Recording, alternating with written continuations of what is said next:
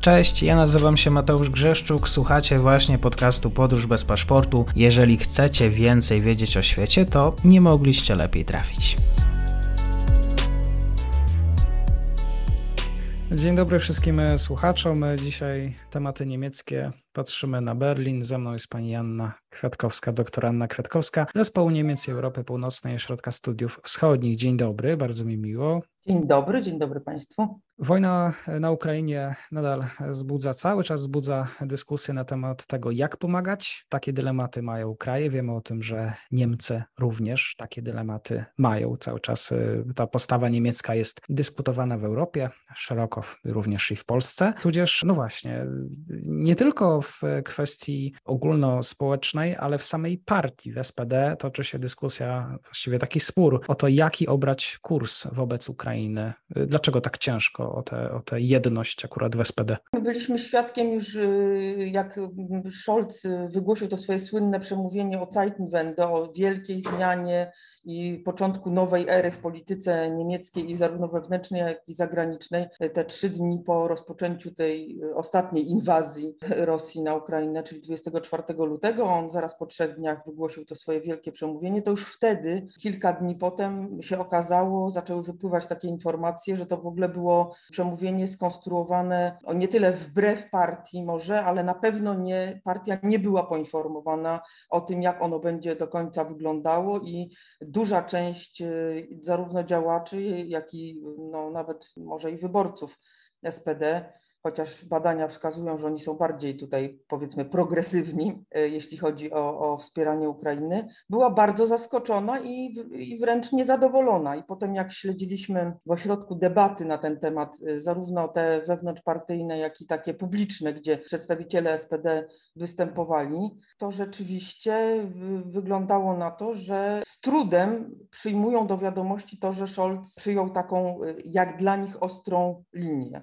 Tak, no mhm. przypomnijmy, że on zapowiedział, że będzie wzmacniał znacznie Bundeswehrę, 100 miliardów euro, specjalny fundusz, że zrezygnuje z Nord Streamu, że y, zmieni całkowicie podejście do polityki energetycznej, tak, że uzależnia się od Rosji i to nie w sposób tam do tej pory, jak mówili politycy, że tutaj energii będę, transformacja energetyczna, ale naprawdę, to znaczy budują ze wsparciem y, państwa Y, gazoporty LNG, no mnóstwo takich rzeczy zapowiedział, które były wbrew dotychczasowej polityce SPD, czy w ogóle rządów niemieckich, bo przypomnijmy, że taką politykę przez 16 lat też prowadziła kanclerz Angela Merkel, co prawda w większości z, z SPD na pokładzie, jako drugim koalicjantem, no ale jednak ona to firmowała. Także to była taka bardzo duża zmiana. Część SPD była niezadowolona, a część SPD z drugiej strony naciska na y, y, kanclerza, tak jak większość sceny politycznej oraz eks,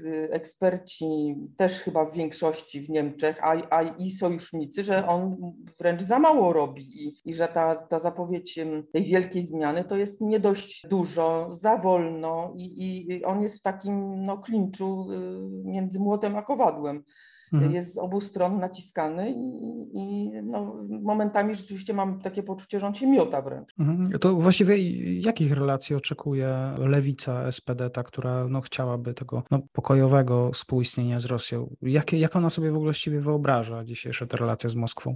Y, ja tego zupełnie nie wiem, bo pan prawdopodobnie na, nawiązuje do tego artykułu, mhm. który się właśnie ukazał w Szpiglu, gdzie jest y, podana informacja, że lewe skrzydło niezidentyfikowane jeszcze, prawda? Nie dotarliśmy jeszcze do tej informacji, ale no to są działacze zarówno landowi, jak i z y, frakcji, y, y, też no, jacyś intelektualiści pewnie związani z SPD. No generalnie żądają oni w tymże liście czy, czy papierze powiedzmy, żeby broń przestała, znaczy zamilkły, tak? Waffen müssen schweigen, to jest takie bardzo często powtarzane w niemieckiej polityce, nie tylko przy tym konflikcie hasło, czyli y, y, musi zostać jakoś zatrzymana prawda, ta, ta machina wojenna i że należy postawić na dialog i dyplomację. To takie ogólne y, wrażenie z tego, co na razie przeczytałam. Zresztą oni więcej na razie nie przedstawili dziennikarze Szpigla.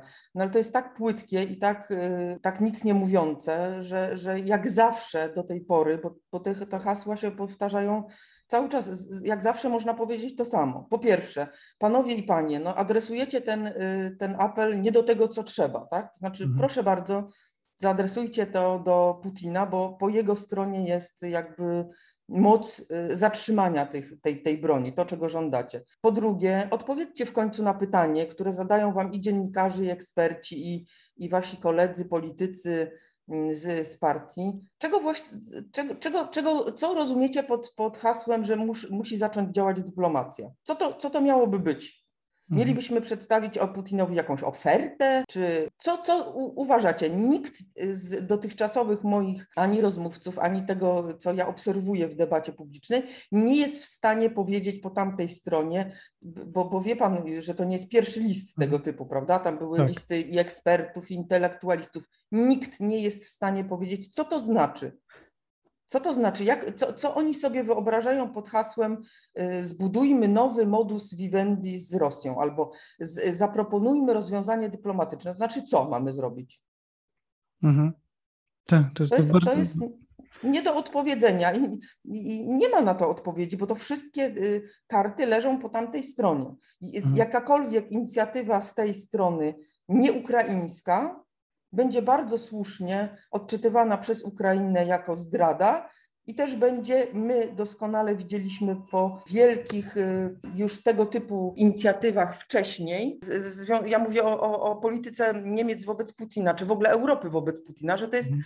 y, przeciwskuteczne. Dokładnie odwrotnie to działa na, na Putina. Mhm, to jeżeli, e, nie, jeżeli ta strona nie ma pomysłu na to i nie wiemy, jaki ma pomysł, nie potrafi odpowiedzieć na takie pytanie. Ja panu powiem, przepraszam, że przerwę, jaki pomysł, bo ja y, słyszałam takie dosyć y, aroganckie stwierdzenie. Znaczy, oni żądają takich działań dyplomatycznych, po czym na pytanie, a do jakie konkretnie mówią, no ale to my nie jesteśmy rządem. Y, to, to urzędnicy muszą coś wypracować, dyplomaci, to niech oni coś robią. Tak. O. A znamy ich motywację? Pani doktor y, gdzieś tam czuje właściwie, jakie jest źródło tych motywacji, żeby w pewien sposób tak rozmawiać? No bo nie wiem, jakie, o jakie elementy nacisku chodzi właściwie? Znaczy, ja myślę, że to jest po pierwsze y, ideologicznie tak, y, zmotywowane, no bo oni zawsze byli partią pokoju, chcieli, prawda, żeby rozwiązywać Y, pokojowo y, wszystkie konflikty i ktokolwiek robił to inaczej, był y, militarystą, tam podżegaczem wojennym i tak dalej. Nie dochodziło do nich, że to nie działa. To stawianie na Rosję, oni się nie rozliczyli ze swojej polityki wobec Rosji, która no, poniosła porażkę, jeśli nie klęskę, tak? Znaczy, to są wszystkie, wszystko takie rzeczy mentalno-ideologiczne, znaczy bardzo im trudno jest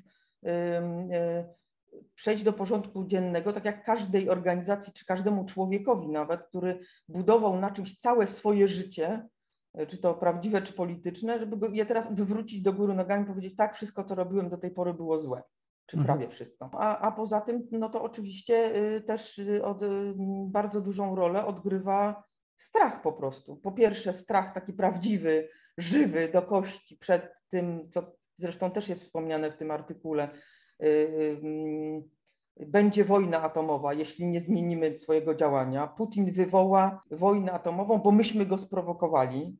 To jest y, takie poczucie, na którym gra oczywiście strona rosyjska i świetnie to w niektórych państwach działa, na przykład w Niemczech. A poza tym taka, taki strach też zrozumiały, znaczy tamten jest mniej zrozumiały, ale ten, o którym teraz powiem, jest zrozumiały bardziej. Takie poczucie no, strachu przed tym, co teraz nadchodzi, a nadchodzi wielki kryzys, to już każdy widzi. On był zapowiadany Mm, i było go widać już po pandemii, że, że będzie się coś złego działo. Natomiast teraz no to, to jest po prostu y, te, te ceny energii, inflacja, która, dotykają, która dotyka również społeczeństwo niemieckie i to jest na pierwszych Y, stronach y, gazet czy, czy w mediach obecnie, no to, to to działa na wyobraźnię. Jeszcze nie jesteśmy przecież w okresie grzewczym, jeszcze te, te ceny aż tak nie dotknęły wszystkich, chociaż inflacja jest najwyższa od nie wiem, tam 70 lat ostatnio to, to, co widziałam, to było prawie 9, 8,7%. No, to są rzeczy, na które, które rzeczywiście działają na wyobraźnię, na kieszeń również i tego się, tego się boją. I, I działacze Niemcy, my też przecież, i działacze na przykład socjaldemokracji, no, podsuwają taką oto narrację y, kanclerzowi, nie całkiem głupią, że jeśli u nas nastąpi jakieś załamanie duże gospodarcze,